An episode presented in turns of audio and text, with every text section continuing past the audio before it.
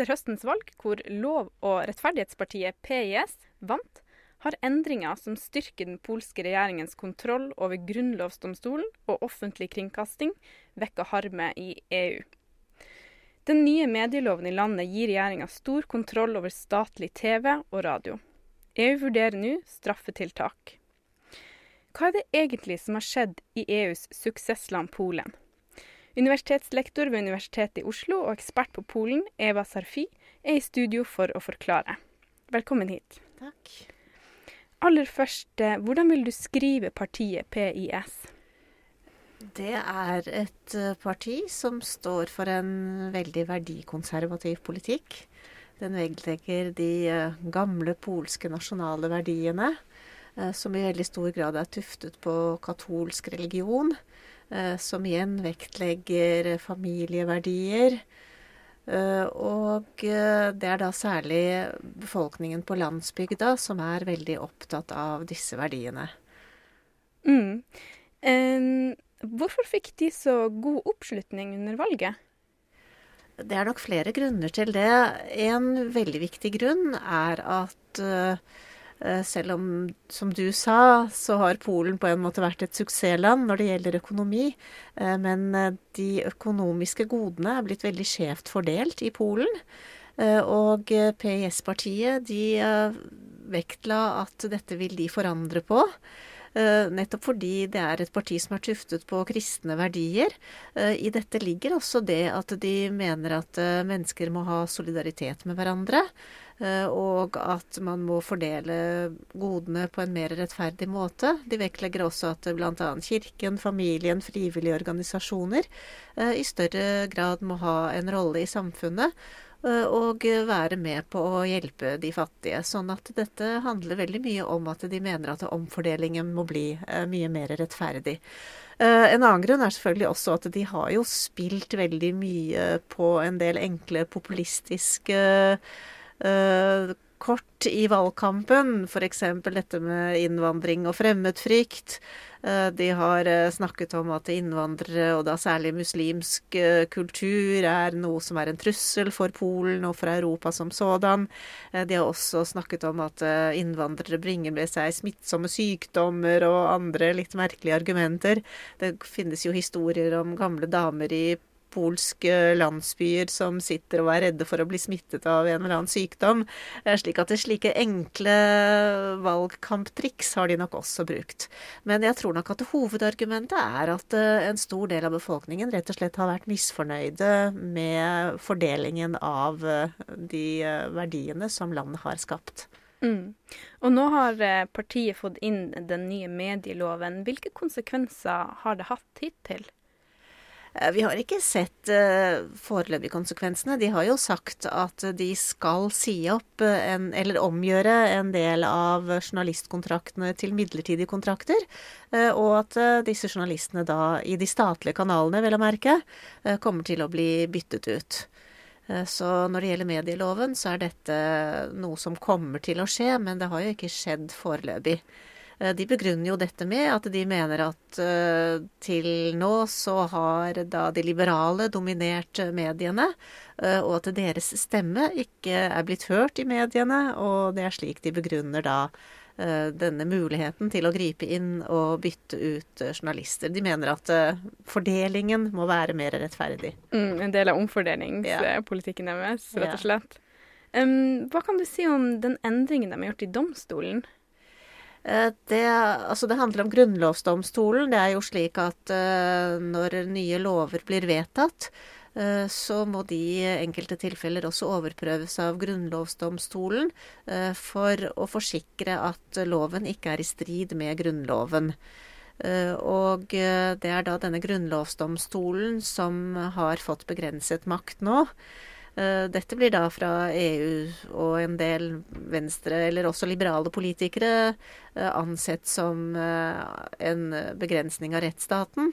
Mens PIS sier at uh, dette gjør de fordi at de vil nå vedta mange nye lover for å forbedre situasjonen i landet. Og grunnlovsdomstolen den bare trenerer uh, vedtak, muligheten for å vedta nye lover fordi de er så sendrektige, eller at de kanskje sender lovene tilbake, og det tar så lang tid. Uh, sånn at dette er deres begrunnelse. Vi ser her at Eh, folk har litt ulik eh, syn på Eller ulik begrunnelse for hvorfor de gjør det de gjør. Mm. Hvilken betydning vil disse endringene ha for demokratiet i Polen?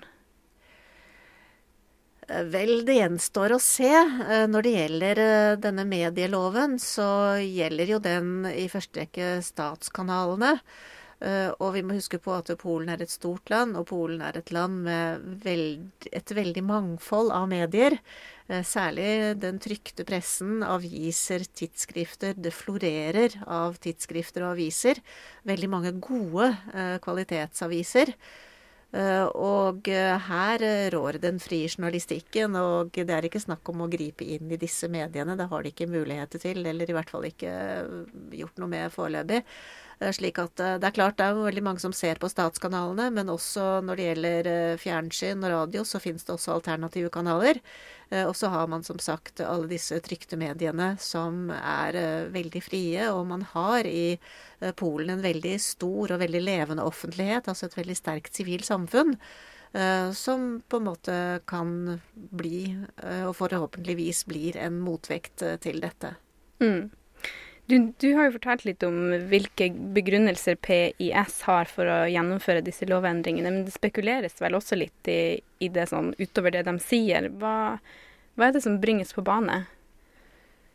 Det er nok Jeg tror ikke de har så veldig mange øh, bakenforliggende motiver. Altså, de ønsker som sagt å på en måte fremme mer deres syn. Eh, og at deres stemme, deres politikk, deres verdisyn ikke minst, eh, skal bli eh, mer hørt og i større grad være et mm, fundament for politikk og kultur i Polen.